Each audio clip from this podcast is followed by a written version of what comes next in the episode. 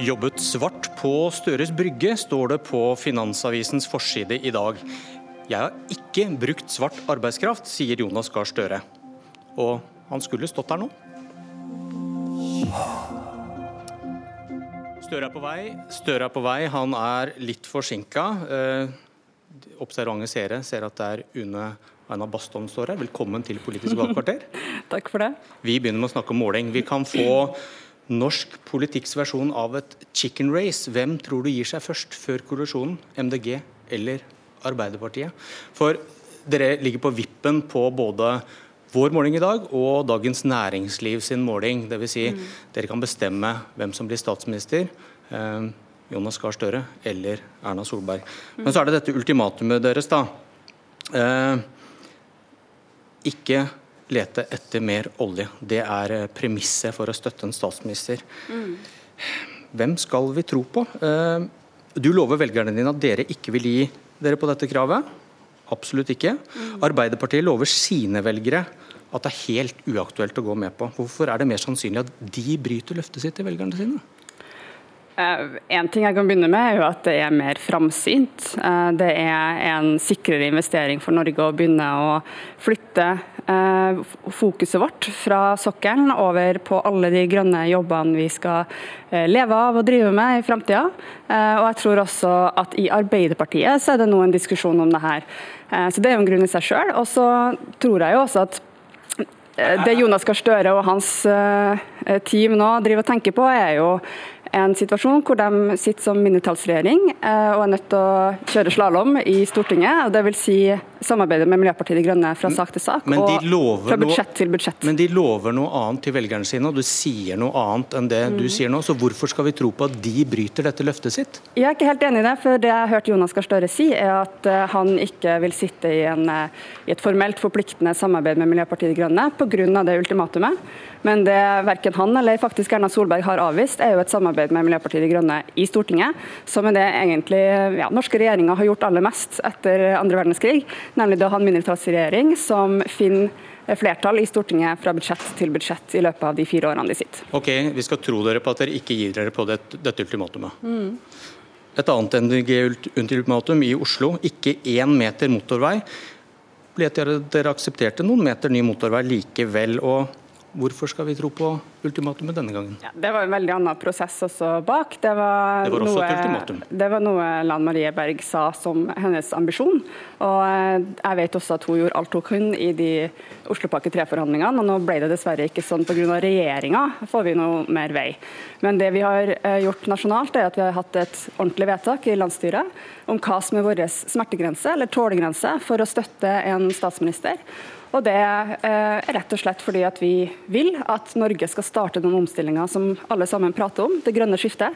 Og Det betyr at vi også må slutte med det som koker kloden, nemlig fossil energi. Men eh, MDG har senere sagt at dette motorveiultimatumet da, det, det var bare en spissformulering. Og det sa dere etter at dere hadde inngått et kompromiss. Så kanskje, kanskje dette oljeultimatumet også er det en spissformulering for å få gjennom mest mulig? og så inngår dere et kompromiss likevel? Nei, akkurat når det kommer til det oljeultimatumet, så kommer vi ikke til å vike på det. Det Kravet er jo å ikke tillate nye lisenser til leting og utvinning. Eh, og Det er rett og slett på tide at Norge gjør det veivalget. Eh, fordi Hvis vi ikke gjør det nå, så må vi uansett gjøre det om noen år.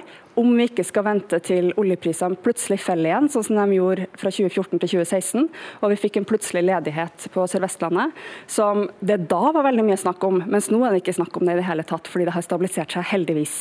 Men, men, men hvis, hvis, de små miljøpartiene de siste tiårene hadde gjort som dere, vært så steile, så har de klypa? Da hadde vi hatt bedre miljø- og klimapolitikk i dag. Da hadde det vel stått oljerigger utenfor Lofoten i dag?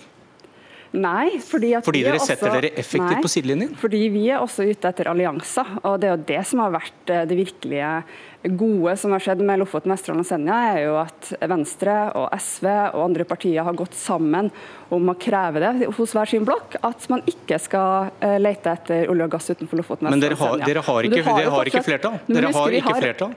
Nei, man må huske at vi har fortsatt et Arbeiderparti som ønsker å bore utenfor Lofoten, i, på den, i den ene blokka, Lofoten 6. Og da trenger man ikke bare partier som som allierer seg på Stortinget. Vi trenger partier som setter krav når vi sitter og forhandler. Og det bør ikke bare gjelde Lofoten 6, det bør gjelde hele norsk sokkel. Fordi vi har allerede veldig mye olje og gass i produksjon som kommer til å stå der og produsere i hvert fall 15 år til, kanskje mer, avhengig av oljeprisene. Og det vil være et stadig mer utrygge arbeidsplasser for Norge. Da sier jeg tusen takk, Una Einar Bastholm. Skal vi bytte deg ut med han dere kan gjøre til statsminister? Vi får se. Velkommen, Jonas Gahr Støre, leder i Arbeiderpartiet. Takk. Eh, jobbet svart på Støres Brygge. Overskriften, forsiden i Finansavisen i dag. Du blånekter. Eh, fortell oss hva som skjedde da du skulle gjøre en jobb på brygga di på hytta i 2011. Ja, For seks år siden så skulle jeg gjøre en jobb på brygga mi, og en som hadde hjulpet meg med å gjøre arbeid tidligere der, påtok seg et oppdrag med å gjøre jobb på den brygga. Et, eh, etter avtale, avtalt pris, eh, og gjennomførte det arbeidet. Eh, det som Finansavisen da nå legger fram, seks år etter, er at noen har hjulpet han i det arbeidet, og de stiller spørsmål ved om de har fått betalt oppgjør som de skulle. Jeg eh, påpeker at jeg har betalt for det oppdraget jeg bestilte. Jeg har betalt moms og etter faktura. Eh, jeg var ikke der nede da disse arbeidene pågikk. Eh, og hvordan arbeidsforholdene har vært mellom han og de som har hjulpet han på deler av det arbeidet, det må være et forhold mellom dem. Men du hører hva din mann, din vaktmester, sier. Har du noen grunn til å tvile på at det her ble begått svart arbeid på din brygge? Jeg kan ikke gi den bedømmingen. Jeg forsikret meg om da jeg spurte om at forholdet mellom dem var ryddig og ordentlig. for som du også vet, denne saken avstedkom jo også en, en konflikt i det firmaet hvor disse to som hjalp til, jobbet. Eh, jeg spurte da de tre som jobbet på dette prosjektet at dette var avklarte forhold, skjedde på skikkelig måte, fikk bekreftet det. Så de løy til det? Eh, det skal ikke jeg si, jeg bare sier hva jeg fikk høre. Jeg tok kontakt med firmaet som de jobbet i for å høre om dette var greit, om jeg skulle ha noe forhold til dem. Det fikk jeg beskjed om at jeg ikke hadde. Så jeg mener jeg tok de forholdsreglene som var nødvendig å ta da, eh, og jeg betalte på skikkelig måte, slik som det var avtalt. Hvordan han organiserte arbeidet var hans ansvar, eh, sier du i en mail til Finansavisen. Og denne vaktmesteren, eh, handymanen din på hytta, han sier ifølge eh, Finansavisen at han ikke visste at dette arbeidet han fikk hjelp til, var skattepliktig. Så da ga du altså oppdraget til en som ikke visste forskjell på hvitt og svart arbeid? Jeg vil ikke gi den bedømmelsen hvitt eller svart, men det er faktisk noe som han må svare for. Jeg mener at han gjorde et godt arbeid, det var gjort på skikkelig måte. Eh, eh, avtalen var klar, og jeg gjorde opp den slik det skulle være. Og Så får eventuelt han svare for dette. Jeg må jo si, Dette kommer nå eh, i Finansavisen tre uker før valget for seks år siden. Eh, jeg svarte på alle de spørsmålene som var rundt dette da. Eh, og eh, de to som her bidro til arbeidet, den arbeidsplassen de kom fra, jeg tok direkte kontakt med dem, med advokaten deres, for å forsikre meg at jeg ikke hadde noe uoppgjort med dem, og at det var skjedd på en ryddig måte. og Det mener jeg er så langt du kan gjøre når du har et sånt oppdrag på hytta. Jeg vil gjerne lese fra en innstilling på Stortinget vår et representantforslag fra Jonas Gahr Støre Eh, Stortinget ber regjeringen fremme et forslag om å utvide solidaransvar til bestiller, og utvide ansvarets lengde til seks måneder. Hva betyr solidaransvar til bestiller? Det betyr at den som bestiller skal sikre at det er ordentlige lønns- og arbeidsvilkår for de som jobber. Det vil si deg? Ja, det vil si meg. Men jeg gjorde det du kan gjøre sånn når du har en hytte og noen hjelper deg på brygga. Du forsikrer deg fra de som gjør det. Er alt her i orden? Og får svar ja. Eh, og Det mener jeg er innenfor rammen av det du kan gjøre i en sånn sammenheng. Hvis det er entreprenørfirma og bedrifter med innleie og større kontrakter, så er det litt mer grundig arbeid enn når du får eh, hjelp fra en som utbreder utbedrer brygga di, og du spør om alt er i orden. Du betaler etter faktura, betaler moms etter ordnede forhold. Det mener jeg er innenfor samme grensen. Men viser ikke dette forslaget deres at 2017-Støre vil at sånne som 2011-Støre skal ha ansvaret for det svarte arbeidet som skjedde? Selv om du stilte noen spørsmål, så er det jeg ditt ansvar. Jeg, vet du hva, programleder, jeg feller ikke noe dom over svart arbeid her. Eh, jeg, er ikke stand, jeg har ikke forutsetninger for å gjøre det. Nei, men at Du burde ha visst, du burde ha, ja, og jeg ha ansvar hvis det skjer. Nå sier du at du ikke vet hva som skjedde. Nei, men Jeg forsikret meg, jeg spurte dem er dette nå under ordnede forhold. Det fikk jeg beskjed om at det var. Eh, og i ettertid, når jeg får høre at han som hadde oppdraget sa at dette skjedde mellom dem som en vennetjeneste, for noen hadde hjulpet en i en sammenheng, andre hjalp en i en annen sammenheng. Han var ikke klar over at det var skattepliktig. Ja, det burde han da ha vært. Eh, jeg fikk høre at alt dette var i orden. Det forslaget vi har lagt i Stortinget, og det som er en hovedsak, er å få ordnede forhold i norsk arbeidsliv mellom firmaer som leies inn, folk som er ansatt i firmaer, at det skjer ordentlig, og at du kan forsikre deg om at eh, gode arbeidsvilkår gjelder eh, i arbeidslivet. Gjelder ikke det forslaget privatpersoner? Jo, det må gjelde oss alle at vi forsikrer oss om det, men spørsmålet når du stiller spørsmål, er alt i orden mellom dere? Har dere ting på stell? Og får svar ja. Og du attpåtil følger opp overfor de menneskenes firma. Fikk du noe dokumentasjon på dette? Nei, det gjorde jeg ikke. Burde du ha fått det? Eh, jeg mener at det er ikke vanlig å, å, å, be om når du får noen til å hjelpe deg med å rette, rette en brygge på en, uh, hjelpe deg med en brygge. Men du var ikke en hvilken som helst privatperson. Du var utenriksminister, du er Arbeiderpartitopp som har ryddige arbeidsforhold ja. som en av kjernesaken. Burde ikke du passet på at her var det dokumentert at alt var i orden? Nei, For det gjorde du ikke. Nei, jeg gjorde ikke det, men jeg inngikk en avtale med en eh, meget pålitelig person, en dyktig person, om å gjøre et Som ikke viste forskjell på svart og hvitt arbeid? Nei, det viser det seg jeg, Igjen, jeg følger ikke dommen om det er hvitt eller svart, men jeg gikk ikke inn og så på hvilke avtaler han gjorde med de som hjalp han med å gjøre deler av det arbeidet. Det er riktig. Men det viktige for meg når jeg gjør den type arbeid på hytta, det er å sørge for at det er hvitt, at det er avtalt, at det er faktura og det betales eh, moms på skikkelig måte. Og I tillegg så spurte jeg da om er forholdet greit mellom dere. Er det noen grunn til, eh, i forhold til firmaet hvor disse to andre jobber, eh, skylder jeg dere noe penger? Er det noe mer jeg bør gjøre? De sa svaret nei, dette er på stell, det er greit. Ok, Dere har et forslag i Stortinget. Mener du etter din erfaring, da, din private erfaring at i denne konkrete saken at Arbeiderpartiets politikk blir vanskelig å etterfølge? som, Nei, sånn nå, altså, la, la, oss skille litt. Altså, eh, når, du, når, du, får utgjort et arbeid på hytta hvor du ikke er, og som går over noen dager, så kan du ikke du være til stede på den hytta og se alle som går i land på den brygga, og se papirene deres. Det, det, er på en måte absurd. Men du kan forsikre deg overfor den som gjør jobben. Er alt på stell? De du måtte eventuelt bruke. Jeg har ikke sett avtaler han måtte ha hatt med de som hjalp han med å bære materialer i land på den brygga. Det forslaget vi har lagt, det gjelder jo fundamentale forhold i norsk arbeidsliv, med innleie, med bruk av underentreprenører, ryddige forhold mellom firmaer. Og Det kommer jeg til å slåss for i politikken, for det er nødvendig å rydde opp i. Så skal vi som enkeltpersoner selvfølgelig sørge for at det vi gjør er lovlig, at det er hvitt, at vi betaler moms og at vi gjør det på skikkelig måte. Også i 2011 så brukte du et polsk malerfirma, et firma som viste seg ikke være seriøst. Du var også medeier i et firma der det ble avslørt løsarbeiderkontrakter på et boligprosjekt. Det var i vår. Hvordan forklarer du at du igjen får en sak om påståtte uryddige Nei, arbeidsforhold si, på bordet? Jeg vil fundamentalt avvise at det var et useriøst firma. Det var også et firma hvor det ble Hva var galt med det? da? Nei, Det får du påpeke. Du, du kom med anklagene. Det var et firma hvor det ble utført et oppdrag etter nøye avtale. Eh, det ble påstått at disse ikke betalte moms. Han kunne legge frem innbetalinger til momsregisteret på timer, på kroner. Arbeidstilsynet var vel inne i bildet òg, var det ikke det? Nei, altså det ble i ettertid stilt spørsmål fra andre firmaer som hadde mye på sitt rulleblad som ikke var bra. han, han var vel ikke malermester, var han? At han, ikke, at, han, at han ikke kunne kalle seg malermester, at han ikke hadde et nok stillas. Eh, det burde han kanskje hatt i orden på, men jeg mener at jeg forsikret meg grundig eh, om det. Men spør Spørsmålet da, det er, det er flere saker. Du blånekter på alt. og kan ikke, ingen kan stå her og dømme deg, men det er flere saker på, på samme område, en kjernesak for Arbeiderpartiet. Ja, jeg, men jeg svarer på sakene dere tar opp. De, eh, de, som legger ut informasjon til pressen at de skal gå etter meg på hvordan jeg har bygget brygga. Jeg, jeg mener at jeg har mitt på det tørre. Jeg har gjort det etter avtale. Jeg har fulgt den boka det er rimelig å følge. Jeg er opptatt av ryddighet i arbeidslivet. Jeg vier politikken min, det politiske livet, til å arbeide for det.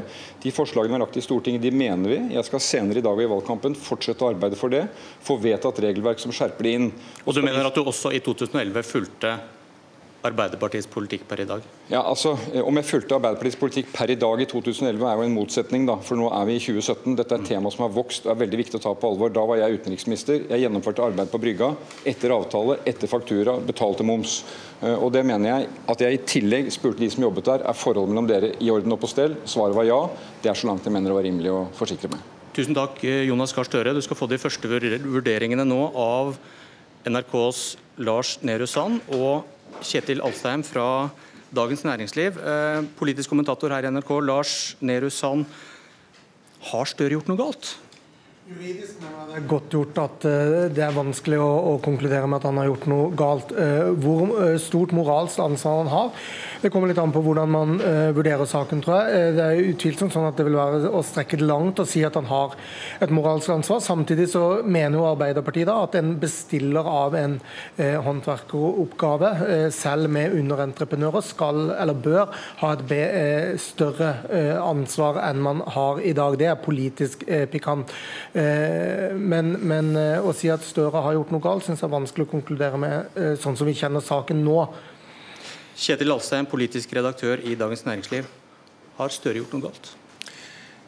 Eh, sånn som den saken fremstår eh, nå, eh, så syns jeg Støre virker vesentlig mindre, mindre skyldig enn det Therese Johaug gjorde i sin sak i går for å trekke en, en hun var?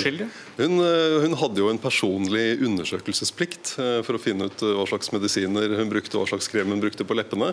Det, det strek, den, det, jeg har problemer med å se at den undersøkelsesplikten skulle strekke seg så langt for Støre at han skulle gå etter alle arbeidsforholdene rundt denne bryggesaken. Altså han, det han gjorde, var jo å sørge for å få en faktura og, og få betale moms på arbeidet. Jeg tror eh, det vil bli veldig tidkrevende for oss alle sammen hvis vi, når vi skal bestille håndverkstjenester til eh, hjemmet eller til hytta, om vi skal gå etter uh, i den, den detaljeringsgrad da, uh, uh, som, som det, det, legges opp til i, forutsettes nærmest i den Finansavisen-saken. Hvordan tror dere denne saken da kommer til å påvirke Arbeiderpartiet? I valgkampen. Det er to og en halv uke igjen, og de sliter på målingene. Er dette noe som kommer til å virke på noen måte? Ja, det er et interessant spørsmål fordi at mange eh, såkalte krisesaker i politikken eh, egentlig, eller ofte blir det etterlatt inntrykk at det ikke er den opprinnelige saken, eh, altså i dette tilfellet håndverkerarbeidet på hytta, som nødvendigvis si, feller dommen over Støre, men mer hvordan saken blir håndtert. Og Det vet vi jo ikke hvordan, hvordan dette går videre nå. Så Det kan selvfølgelig gjøre at denne saken preger valgkampen mer enn den nær sagt juridisk sett burde. Eh, på den annen side så er det jo også sånn at dette eh, fjerner et visst eh, fokus fra Arbeiderpartiets politikk. Det blir vanskeligere for Støre å drive valgkamp på politiske saker. Det er alltid irriterende og per definisjon ødeleggende for et parti i et valgkamp. Og så er det klart at alle sånne saker, som du også var litt inne på i intervjuet med Støre, gir et etterlatt inntrykk av noe av hans lederegenskaper, eller hvorvidt han er til å stole på, som kan bli en utfordring for Støre i mange velgeres øyne, eh, som Arbeiderpartiet ikke trenger nå, med, med den andelen velgere på gjerdet partiet har. Din vurdering Alsheim, er at dette er ikke og bør ikke være en problematisk sak for Støre, eh, men tror du det blir et problem?